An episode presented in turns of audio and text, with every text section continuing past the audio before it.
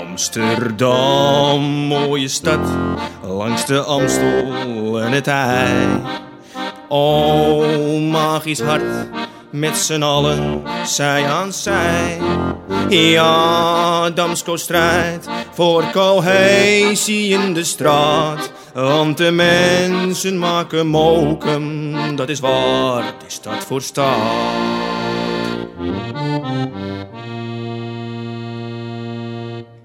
Gegroet en welkom bij Mensen maken mokum, de podcast van de Vrijwilligerscentrale Amsterdam. In deze serie nemen wij je mee in de wondere wereld van Amsterdammers die mokum ieder op hun eigen manier weten te verrijken. Mijn naam is Oscar Zegers en deze keer zit tegenover mij Janneke Siebelink. Bijna iedere vrijdag gaat Janneke koken in Zorgherberg Oostpoort. Hier kan men tijdelijk verblijven voor zorg en hulp, maar de Zorgherberg is er ook voor wie ongeneeslijk ziek is en de laatste fase van het leven ingaat. Een plek dus waar aandacht voor anderen centraal staat en voor Janneke een manier om haar volle hoofd door haar werk als schrijver wat tot rust te kunnen brengen. Ik ben benieuwd hoe het voor haar is om hier te mogen koken en wat het er eventueel allemaal nog meer heeft gebracht. Dus Janneke, welkom. Janneke, uh, waar stond je wieg? In Ede, in een schrijvershuis ook. Mijn uh, vader is schrijver, Jan Siebelink. En uh, mijn broer schrijft, Jeroen Siebelink. En uh, mijn moeder vertaalde in die tijd, of, of vroeger, Franse literatuur. En mijn zus is ook werkzaam in de boekenbranche. Nou ja, toen de tijd nog niet, maar ik ben dus wel opgegroeid in een huis vol verhalen. Ja, letters en verhalen om je heen. En, ja. En, en ja, je hebt het al benoemd, maar hoe, hoe is dat dan om op te groeien met een, een vader die niet bepaald onbekend is als schrijver?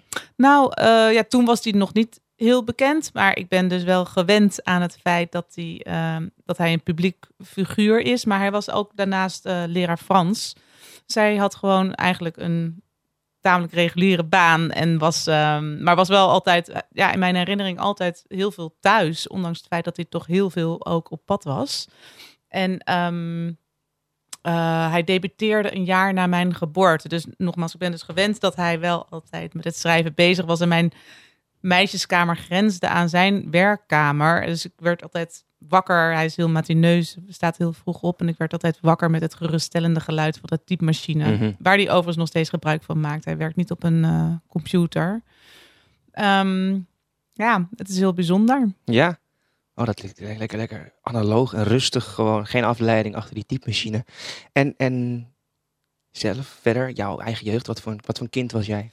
Um, ja, ik was wel redelijk op mezelf. Ik uh, kon mezelf uren vermaken met, met, met briefjes en, en, en, en frummeltjes en koekjes en steentjes uh, en, en, en, en, en woorden en boeken. En ik mocht uh, met mijn moeder altijd in de kinderboekenweek, maar vaker door het jaar um, een boek uitzoeken in de Arnhemse kinderboekenwinkel um, op de Bakkerstraat toen nog. Ik weet niet of hij daar nu nog zit. Dus ik, um, ik, ik, verveelde me nooit en ik had eigenlijk altijd wel, uh, ik had een beetje ja, genoeg vaak aan de verhalen in mijn eigen hoofd. Ja. ja. Ik was niet eenzaam, helemaal niet. Maar... Nee, nee, dat, dat klinkt ook niet zo inderdaad. Je creëerde dus al, al grote verhalen al in je hoofd en daardoor ging je hele beleveniswereld uh, eigenlijk vanzelf. Ja, en ik was dol op lezen. En ik, um, ik had overigens niet echt per se de ambitie om zelf te gaan schrijven hoor. Nee? Dat is eigenlijk pas later gekomen. Hm. Ik schreef wel gedichten, ook op de middelbare school. En heb in mijn werk ook altijd wel het, uh, het schrijven opgezocht. Maar ja, ik dacht, er zijn al twee mensen in mijn familie die heel goed mm -hmm. pen ter hand kunnen nemen. Dus misschien uit een soort van zelfbescherming of angst, uh, dacht ik van nou. Ja, je was wat voorzichtig. Ja. Ja, ja. En um, kreeg je dan als, als kind ook al vanuit huis of vanuit je eigen kijk op de, op, op de, op de wereld iets mee van uh, het moraal van onbaatzuchtigheid? Nou, zeker in ieder geval vanuit mijn moeder. Want ik had vroeger een uh, darmziekte. Um, en dan collecteerde zij uh, daarvoor ook in de buurt. Ik kan me dan nog levendig herinneren dat met de collectebus ouderwets uh, langs de buren of lang, door de buurt ging. Mm -hmm. voor de Maagleven Darmstichting. En ze heeft ook Nederlandse les gegeven aan, aan, aan buitenlandse mensen. En um, dus in die zin is het me niet vreemd. Nee. Um, en dan een sprong voorwaarts. Uh, hetgeen waar je, tenminste, waar je nu dan wel op, op vrijwillige basis uh, je begeeft. hoe ben je op het idee gekomen om bij de zorgherberg in Oostpoort te gaan? Ja, een hele goede vraag. Ik, um, ik, werk, ik heb zeven jaar lang bij bol.com gewerkt. Um, daar heb ik een platform opgericht, lees met bol.com, om um, uh, echt een platform voor de makers. Ik wilde echt een platform ge uh, geven, bieden aan auteurs en, en illustratoren. Um, dat was er eigenlijk niet. En dan natuurlijk voor de lezer en de klanten van bol.com, maar ook iedereen daarbuiten. En daarvoor interviewde ik zelf ook heel veel auteurs. En op een gegeven moment heb ik een redactie opgezet, heel veel events georganiseerd. En het was echt een hele toffe periode waarin ik carte blanche kreeg om ook buiten alle marketingafspraken van, um, van het bedrijf te mogen opereren, wat me heel veel ruimte gaf. Mm. En um, ik was echt op een missie. ook het, het, het, was, ja, het was een fantastische tijd tot het moment kwam dat er een andere directeur kwam, die ook een andere visie had en minder echt ja, op de boeken zat. Boeken was sowieso natuurlijk geen groeimarkt. Uh, witgoed en, en nagellak uh, wel, bewijs van spreken. Dus mijn budgetten werden gehalveerd. En er was steeds minder ruimte voor um, echt inspireren. Wat mijn missie dus was. Want tussen al het geweld van bestsellers en Nicky French liggen er, verschijnen er ook heel veel mooie boeken uh, ja, waarvan uh, die ongezien blijven. Ja, zeker. En het moet ook niet altijd alleen maar te gaan over de, de, de grote vier bijvoorbeeld, nee. om iets te noemen. Er wordt zoveel, er is zoveel geschreven, zoveel ja. te vertellen en zoveel te lezen. En zoveel te lezen. En, ja, en ik, ik wilde ook niet krampachtig daaromheen manoeuvreren. Dus ik, het, natuurlijk is het ook interessant om hmm. Nicky French, um, het echtpaar, te interviewen. Maar... Um, ja, de, de, de, onze visies botsten. En ik heb daar een jaar over gedaan. Terwijl mijn hele omgeving, denk ik, wel inmiddels uh, zag van dat ik daar weg moest gaan. Maar ik heb een jaar over gedaan om het te realiseren van dit is niet meer goed. Ik kan mijn energie beter ergens anders uh, aanwenden. Mm -hmm. Dus toen uh, op een gegeven moment heb ik, ben ik naar HR gestapt en gezegd van volgens mij werkt dit niet meer. Nee. Doe maar een voorstel. En nou ja, zo zijn we uit elkaar gegaan op zich goed. Maar uh, inmiddels was ik eigenlijk behoorlijk over mijn eigen grenzen heen gegaan. En um, kreeg ik paniekaanvallen. Aha. Echt hele heftige paniekaanvallen. Ik kan het nog steeds eigenlijk fysiek voelen. Ja. Eigenlijk als ik daaraan terugdenk. S'nachts komt het meestal ook. Uh, als je... Ja, s'nachts komen de wolven hè, mm, eigenlijk. Mm. En um, op een gegeven moment ben ik naar de huisarts gegaan. Uh, een soort radeloos, uit radeloosheid zonder verwachtingen, zonder dat ik een pilletje wilde of wat dan ook. Maar ik, ik wilde mijn verhaal doen. En hij vertelde op zijn beurt dat hij naast zijn werk als huisarts stervensbegeleider is. Hm. En dat vond ik zo bijzonder. En toen begon hij te vertellen van Janneke, je bent je werk niet. En dan was mensen op hun sterfbed hebben het eigenlijk alleen maar over relaties en familie en nooit over hun werk eigenlijk. En ik was, maar ik was al, hij probeerde, hij zat nog verder op mij in te praten en ik was al blijven haken bij dat stervensbegeleider. Dus ik ging weer naar buiten en ik zat dat zo te overdenken en ben toen gaan googlen en toen vond ik allemaal, uh, of toen vond ik een hele intensieve vierjarige opleiding daartoe. Dan echt buitengewoon uh, bijzonder, want je leert over de, uh, hoe er in verschillende um, culturen tegen de dood wordt aangekeken en, en, en, en het fysieke aspect. Het gaat heel ver. Mm -hmm. En Mhm. dat ging op dat moment dus ook voor mij te ver. Ja. Dus toen ben ik vrijwilligerswerk gaan zoeken in, ja, in die omgeving. Uh, maar dat ging ook niet zonder slag of stoot. Want er werd toch ook wel vaak een soort verpleegkundige achtergrond uh, gevraagd. Dus toen op een gegeven moment heb ik me bij de Vrijwilligerscentrale Amsterdam aangemeld. En Ja. gezegd van uh, je kan aanvinken wat je leuk vindt. Hè, of waar je van houdt. Waar je denkt iets aan te kunnen bijdragen. Uh, koken, iets met mensen. Ik weet niet meer wat de boxjes precies zijn. Maar in ieder geval koken. En de volgende dag werd ik al gebeld door Gerda van de Zorgherberg, vrijwilligerscoördinator. En uh, wat ik me nooit had gerealiseerd was dat het dat ik toch echt wel een beetje op audiëntie moest komen. En dat het echt wel een sollicitatiegesprek was. En dat ze echt filtert. Dus, achteraf heeft ze ook wel eens tegen me gezegd: ja, Janneke, echt niet iedereen komt er doorheen. Want we willen wel mensen die. Vrijwilligerswerk, het is vrijwilligers, vrij, vrijwillig, maar het is niet. Um, ach, hoe zeg je dat nou? Het is niet. Uh, je, je, je, moet wel betrokken blijven. Juist. Je doet het niet zomaar zo van, oh, ik heb nou even een gaatje in de agenda, dus dan. Uh, nee, je moet het wel serieus ik. nemen, inderdaad. Je moet het echt serieus nemen. Van, uh, doen we er even bij. Ja, nee, want je, zeker niet die plek. Nee, nou nergens denk ik. Mensen rekenen uiteindelijk ook wel een dat beetje op je. En um, dus, uh, maar, maar ik mocht komen. Ja. Ook nadat ik ook mijn verhaal had verteld waarom. Um, en uh, ja, dan, dan, ja, dan begint het. En dat is wel. Uh, um, ja, heftig is niet het goede woord. En dat is ook dat. dat het ging recht aan. Maar de eerste dag dat ik daar kwam, nou ja, werd ik ingewerkt in de keuken. Het is heel ehm, warm hospice in die zin. Nou ja, ook een heel... Maar- Zou je dat willen eens omschrijven? Want je zei toen, hoe omschrijf die eerste dag is. Want je, je eh, nou, daar, die, die, die spanningsboog die daaraan vooraf ging, die moest je niet overspannen. Daar zat je dan duidelijk ook in, in hoe je daar fysiek op reageerde. En dacht, oké, volgens mij moet ik hier zijn, maar dat is dan ook heel nieuw. Hoe was die eerste dag? ja, dat is dan toch wel eh, heel spannend. Maar, en dat is dan ook wel weer eh, het bijzondere eraan. Het feit dat het dan vrijwilligerswerk is, Mhm. geeft eigenlijk dat ik me nog betrokkener bijna voel. Eh, maar niet op een manier van, oh, ik moet hier nu presteren, want ik moet mijn salaris waarmaken. Maar op een veel dieper, geruststellender niveau op een bepaalde manier. Ja, dat klinkt een beetje zweverig, Maar helemaal niet.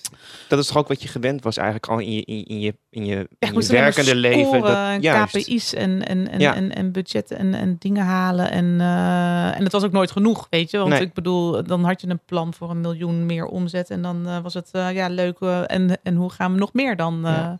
Dat is hier niet, verdienen. eh, niet handig. Nee, hier Nee. gaat het daar helemaal. Dat, en dat is zo Ja. bijzonder, überhaupt van het vrijwilligerswerk. Daar in elk geval is dat alles wegvalt. De agenda's, je ego. Het gaat niet om jou.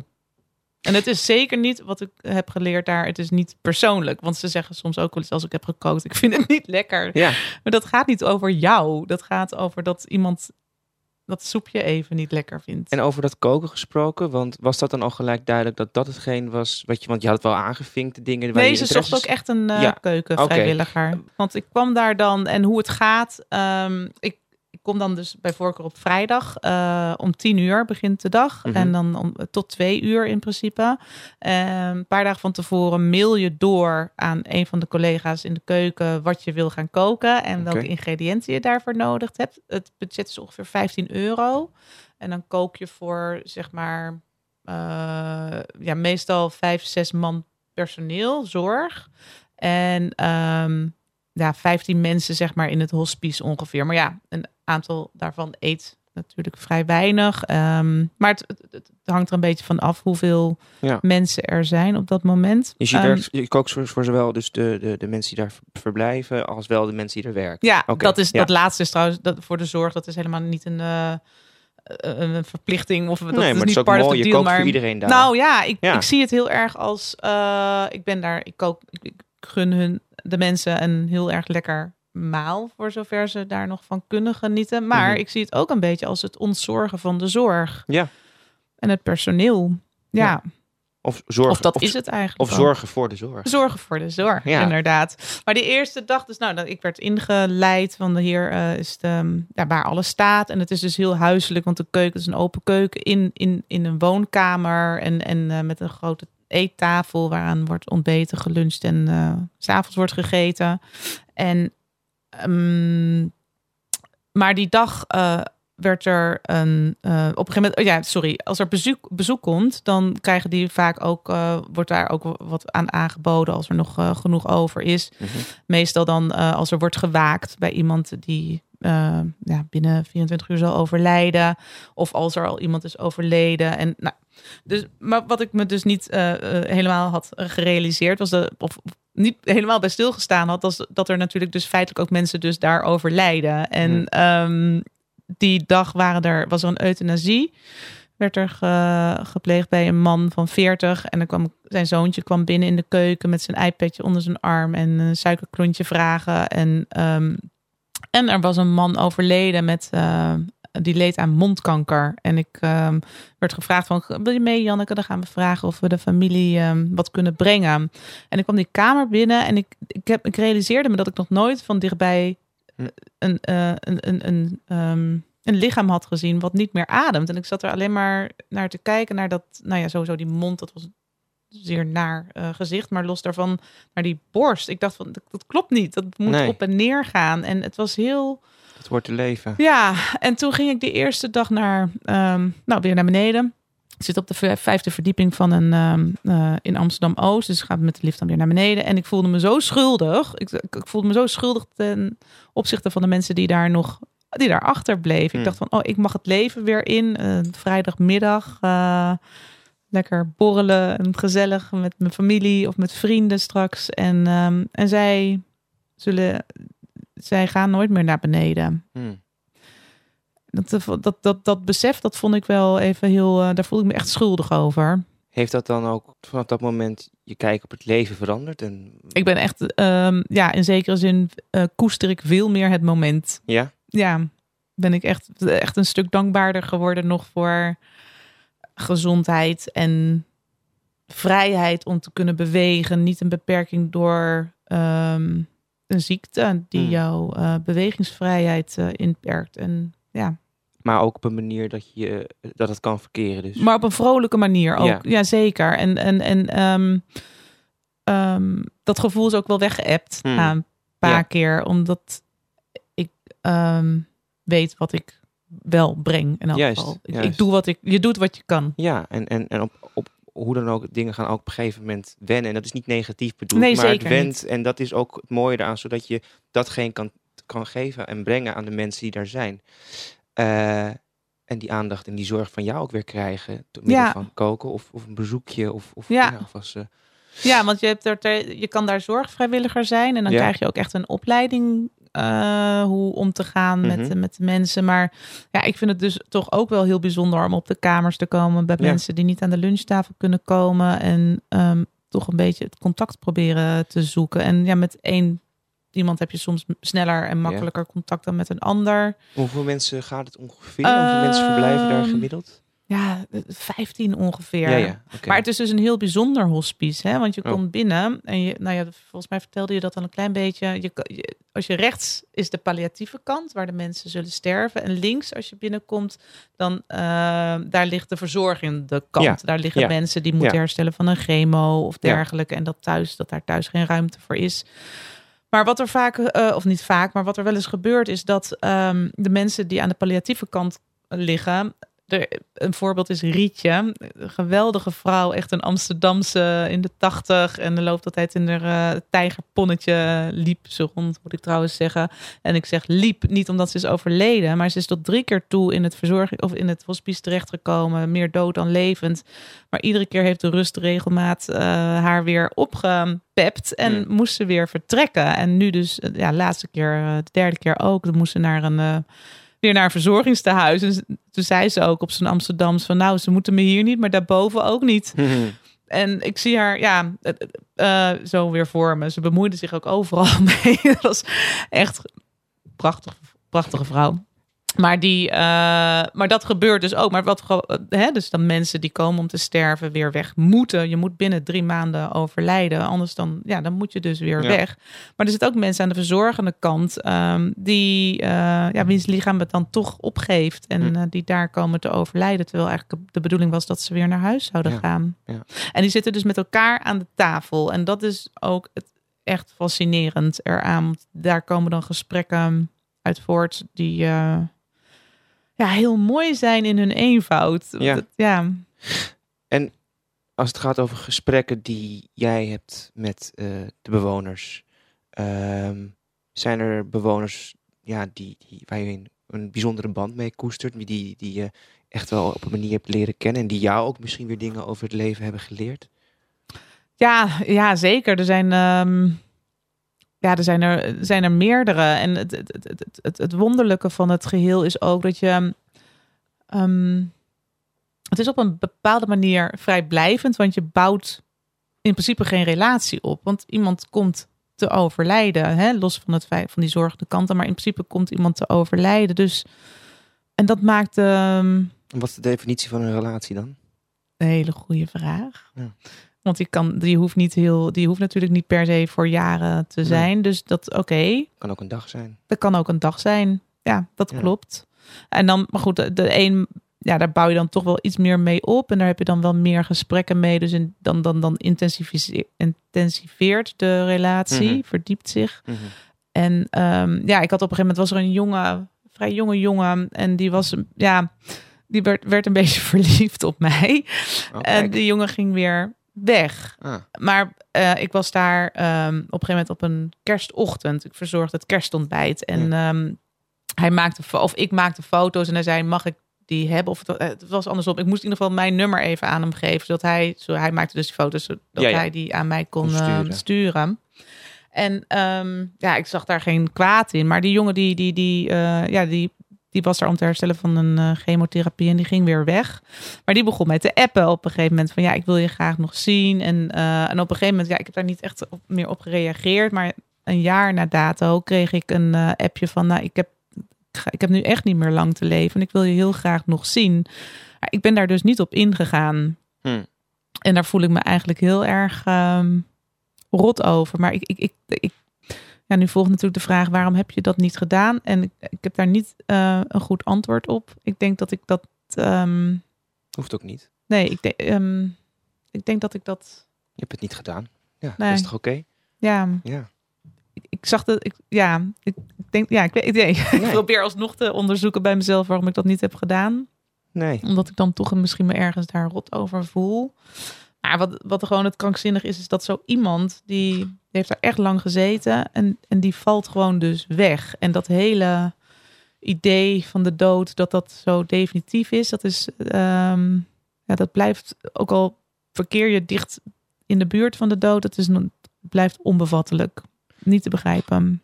Wat brengt het jou om daar te Ja, mogen rust. komen? Kijk. Ja, heel veel rust. Ja. En ook, het, het, het is waar het om gaat. Hm. Het is, Gaat er, ja, bij de dood ben je dicht bij het leven eigenlijk. Ja. Want gebeurt er iets met jou uh, wat je ervaart, dus de rust, juist op het moment dat je naar binnen gaat? Ja, denkt, op het moment dat ik daar ben, denk ik, ja, Dus dagagenda. die sfeer die daar heerst. Ja, die is heel meditatief eigenlijk als het ware. Maar er wordt ook gelachen. En, Nee, dat- en, eh, en de radio staat soms aan. En Tuurlijk. Eh, ja, er gebeuren gekke dingen. En ehm, er gebeuren ook irritante... Het is een microcosmos. Ja. Het uiteindelijk, tot een bepaald punt, misschien gaat het leven daar ook gewoon door. Maar er is Ja. een bepaalde, iets, iets sereens wat er misschien Ja. ook hangt. Een rust, een, ja. iets melancholisch misschien ook ja. wel. En de mensen die er ook werken um, in de keuken um, of uh, in de, het zijn ook zulke betrokken mensen. Ik heb daar ook zo ons. Ik had al heel erg waardering voor, voor mensen in de zorg, maar het is nu nog um, ja. Ja. ja, verhonderdvoudigd. En ja, de onvermijdelijke vraag dan is ook, hoe, hoe ga je er dan mee om op het moment dat je dus afscheid moet nemen van mensen die je toch ook enigszins leert kennen? Ja, dat is. Um, ja, in die, in die tragiek schuilt dus heel veel schoonheid. Ja. Oké. Okay. Want soms is het, soms gun je ook iemand dat die vertrekt. Mm -hmm. Omdat het, omdat het uitzichtloos is. Het is en op. Het is op. Ja. En het is een voltooid leven. En wat heel bijzonder is, is om te zien hoe daar ook dus weer verschillend mee om wordt gegaan. Er is iemand die zingend stierf. Mm. Maar er is ook iemand die zich enorm verzette. En dan wordt het naar. Mm. Mm. Dat, dat is echt heel. Um, dat gun je eigenlijk niemand. Maar ik, ik, denk, ik denk niet. Ik, ik, ik denk dat natuurlijk voor mezelf dan ook heel erg over na. En ik ben nog lang niet klaar met het leven. Dus Nee. ik, maar de, de- ja, ik, um, maar ik hoop wel dat het me gegund is om um, ja, berusting te vinden op het moment dat het, uh, Poeh, maar dat het is daar is. Ook super moeilijk. Op het moment dat je nog zoveel Ik krijg ook een levenslust... soort van heel erg kippenvel. Ja, nee, maar als je Ja. levenslust hebt en je... Ja, Maar er zitten ook jonge mensen. En Ja. Mensen denken bij een hospice vaak aan dat er zitten alleen maar oude mensen. Maar dat is Nee. helemaal niet waar. nee, iedereen kan in zo'n situatie terechtkomen. En dat is misschien ook juist ook iets wat je kan Ja. heel erg Eh, De, dood is. maakt natuurlijk geen onderscheid tussen Nee. eh, rijk, arm. Eh, ja, dat is een beetje cliché, Nee. maar ja. Nee, nee. Ja, clichés die zijn er alleen omdat ze berust op waarheid. Juist, Dus, eh, heel goed. heeft het je dan in die tijd ook veranderd? Nee, nou meer in de zin, ja, heeft het me veranderd? Ja, ik, ik neem het ook weer, tenminste, ik probeer die rust en eh, de relativering ook toe te passen in mijn werk. En in mijn, ik bedoel, ik, ik schrijf inderdaad, maar daarnaast werk ik ook voor de CPMB, dus een stichting eh, die de Boekenweek onder andere organiseert, overkoepelend orgaan voor de Ja. boekenwereld. En ik ben nu bij een eh, nieuwe start-up betrokken, een nieuw audioplatform. En ehm, nou ja, vanmorgen heb ik net eh, begrepen dat eh, ik schrijf over het hospice ook voor Libelle elke Ja. week. Ehm, een serie. En vanmorgen zei de uitgeverij dat ze dat, eh, waar ik al dat mijn, mijn debuutroman heb gepubliceerd, dat ze daar zo enthousiast over zijn dat ze dat volgend jaar willen gaan uitbrengen. Als boek voor Een in primeur. boekvorm. Ja, primeur Wauw. inderdaad. ja. Gefeliciteerd. Want daar even aan over gesproken. Die, die, hoe, hoe is dat om, eh, om die belevenis, om dat om te zetten in, in, in woorden? Je bent schrijver, dat is iets dat, wat, wat je doet. Ehm, maar zoiets toch ook persoonlijks wat je meemaakt. Hoe is dat voor jou? Ja, dat is. ehm, misschien is zit daar wel een stukje verwerkingsproces ook in, bedenk ik me hoor. Want het, het, het- ik vind het altijd heel fijn om het liefst eh, die vrijdagmiddag, als ik dan thuis kom om een uur of eh, nou ja, half drie, drie uur, om dan meteen te gaan zitten schrijven. Maar het is, ehm, het is. Een aantal mensen heb ik één op één echt geportretteerd. Maar ja, ik laat mijn verbeelding er ook graag op los. En ik voeg ook of personages, zeg ik nu. Dat mensen samen eh, of, of, of, of situaties of iets schrijf ik dan naar aanleiding van iets wat ik in de krant heb gelezen. Waarvan ik denk van hé, hey, dat is relevant voor dit onderwerp. Ehm, Dus een deel is fictief dan ook wel.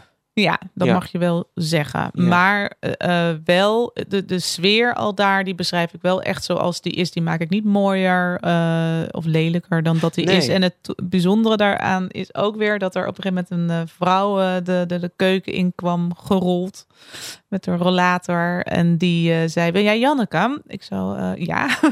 Ik dacht, oh jee, wat komt er nu? Ja. Maar die zei van, oh wat fijn dat ik je zie. Want eh, naar aanleiding van jouw stukken ben ik hier terechtgekomen. Ik heb Ah. zelf gegoogeld naar hospices en, Ja. en, en, en, en ik las jouw stukjes en toen dacht ik, ja, daar wil ik zijn. Goh, Die is daar, die is daar overleden. Ja. ja, dat is dan wel mooi. dat is prachtig. Om dat, om dat dan te horen, lijkt me, lijkt me Ja.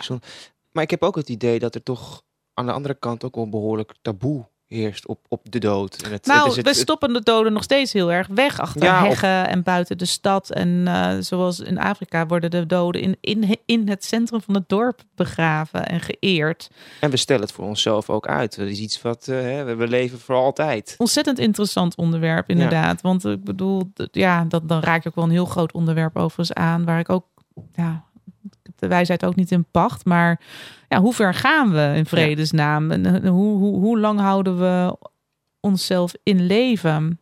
Misschien moeten we daar een ander keertje nog langer Ja. over doorpraten. Ehm, want ik wil nog even terugkomen op eh, hetgeen je schrijft voor de libellen. En ehm, nou ja, eh, de, je gaf net een prachtig voorbeeld van een reactie van een lezer. Nou ja, en waar dat op uit kan lopen. Ehm, maar zou je het misschien eh, fijn vinden om, een, om iets voor te dragen daaruit? Zodat de luisteraars ook een idee krijgen van wat, je, wat je ziet en wat je beschrijft. Als jij dat leuk vindt, Ja, graag, dat met graag. eh, liefde. Ik ken de tranen van mevrouw J. Ik heb ze ook juist na een mooie avond, tegen het einde van de vakantie, soms ook op zondagavond, nu. Ze laveren tussen ernst en lichtvoetigheid, tussen een begin en een einde en weer een nieuw begin. Er zit een vleugje perspectief en onvermijdelijkheid in de tranen en dat maakt ze zo vol en intens. Niet meteen wegvegen hoor, dat zijn tranen om te koesteren. Wees er maar niet bang voor, fluistert mevrouw J. Het zijn gevoelstranen, ze maken je tot mens. Wij zijn het enige dier dat zich bewust is van de eindigheid van dit alles. Het is de tol die we betalen doordat we te veel weten over onszelf. Ze maakt een wijdsgebaar met haar armen. Nou, dat laatste heb ik trouwens niet zelf bedacht hoor, maar het is wel precies zoals het is. En dit is wat ik weet. Dus we rollen al eeuwen over vele wangen. Over die van mijn moeder, mijn voormoeders, mijn tantes, mijn verre nichten, mijn overleden zussen. Ze vallen in de schoot van mijn vriendinnen en in die van mijn zoon. En daarna drogen ze weer. Want dat is wat tranen en mensen doen. Ze komen en ze gaan. Dankjewel voor het delen. Het, is een, eh, het was prachtig, ja. En ik kan me goed voorstellen dat daar eh, een hele hoop reacties op komen. En persoonlijke ja, dingen bij mensen losmaken als ze dit zo eh, lezen. Ja. Ehm, naast je eh, columns voor de Libellen schrijf je natuurlijk ook, je bent schrijver. En ehm, ik heb hem hier ook eh, voor me liggen. Je hebt een exemplaar voor, eh, voor me meegenomen, waarvoor, waarvoor dank. Ik hoop dat je het mooi vindt. Ja, nou ja, ik ga het zeker met veel liefde lezen. Ehm, soms sneeuwt het in april. Ehm, ik ga geen vraag. Wil je er iets over vertellen? Ik, wil je de luisteraar vertellen over over waar het over gaat. Ja, het gaat over, uh, heel graag, dankjewel. het gaat over um, een jong meisje, Catharina, dat um, heel kort gezegd opgroeit met het uh, gewicht van het trauma van haar moeder. En dat, dat trauma vindt zijn oorsprong um, in een stukje Nederlandse geschiedenis, wat voor mij onbekend was, maar wat mij enorm fascineerde. En dat is namelijk um, de Georgische opstand op Texel in mm -hmm. het laatste oorlogsjaar. De nacht van 5 op 6 april heeft daar een, um, zich een helse nacht, uh, de uh, helse opstand plaatsgevonden. Is daar zo tot er, een, er helemaal van. Het was ook um, heftig, ja. Het was echt heel heftig. En in die nacht wordt de vader van Catharina vermoord. Maar dat weet zij niet als zij uh, wordt geboren. En uh, pas op het sterfbed, uh, of na het, ster ja, het sterfbed van haar moeder, komt zij erachter wie haar echte vader is. En um, heel kort gezegd gaat het daarover. Het is geen historische roman, maar het gaat wel. Het is wel de basis van um, haar vragen, vragen in het leven. En, en de vraag die ik haar die ik haar meegaf, of mezelf meegaf voor haar, is: kan Catharina uh, zich ontworstelen aan uh, de keuzes die haar ouders voor haar ongevraagd eigenlijk hebben gemaakt. En, en, en, en zich ja, een beetje uitgehold begrip, maar uh, kiezen voor haar eigen geluk. Mm -hmm. Nou ja, je, je, je, maatschappelijke betrokkenheid is, is, is groot in, in, in je werk. En er zit altijd iets persoonlijks in elk boek wat de schrijver ja. schrijft. Daar ben ik eigenlijk van overtuigd.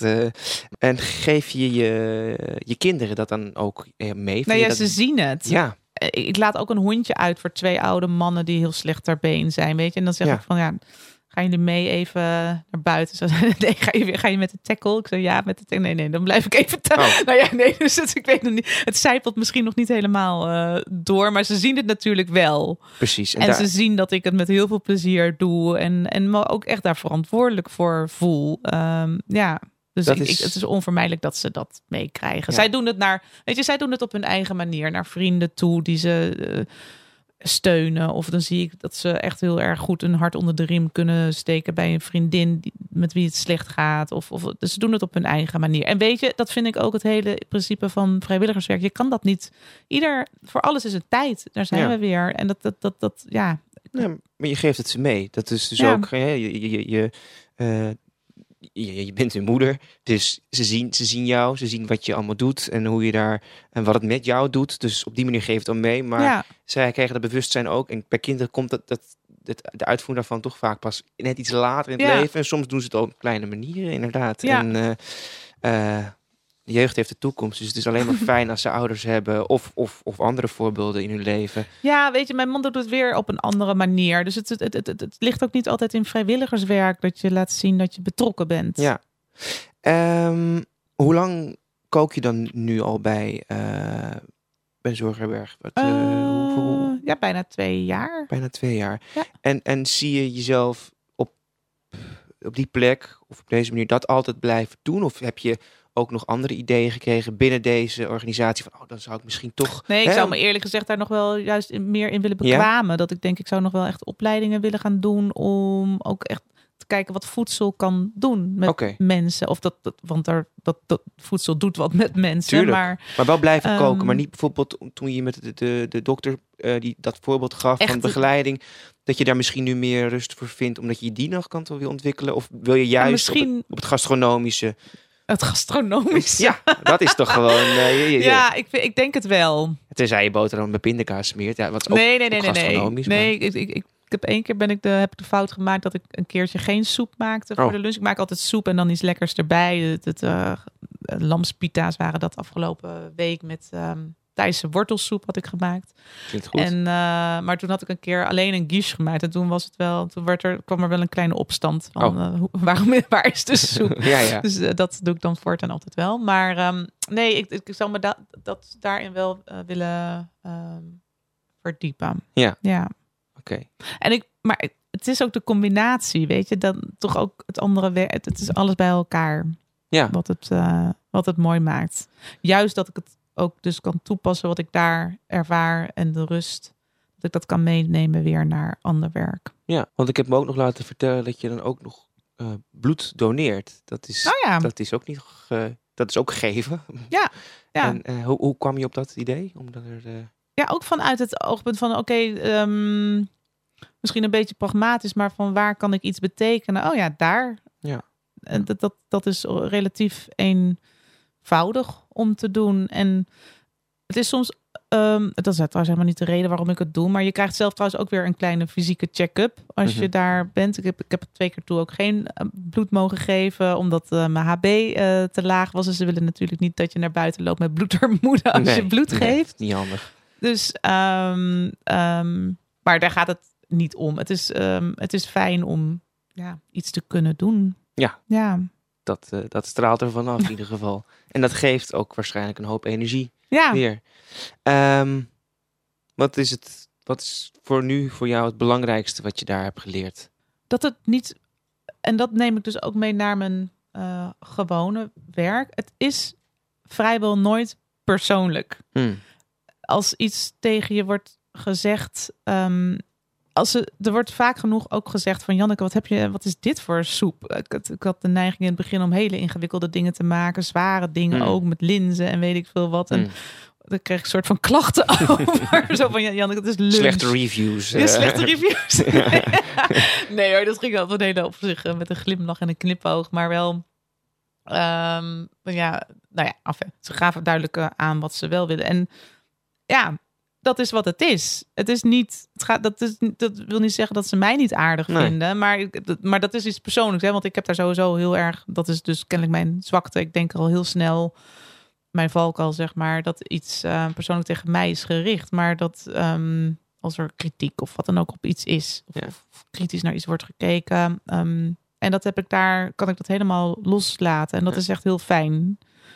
En is dat er een van de grootste lessen? Jeetje, ik, ehm, ik denk dat er een aantal zijn. Ja, dat je toch echt moet koesteren wat er is. Want het is echt, het leven is zo voorbij. Mhm.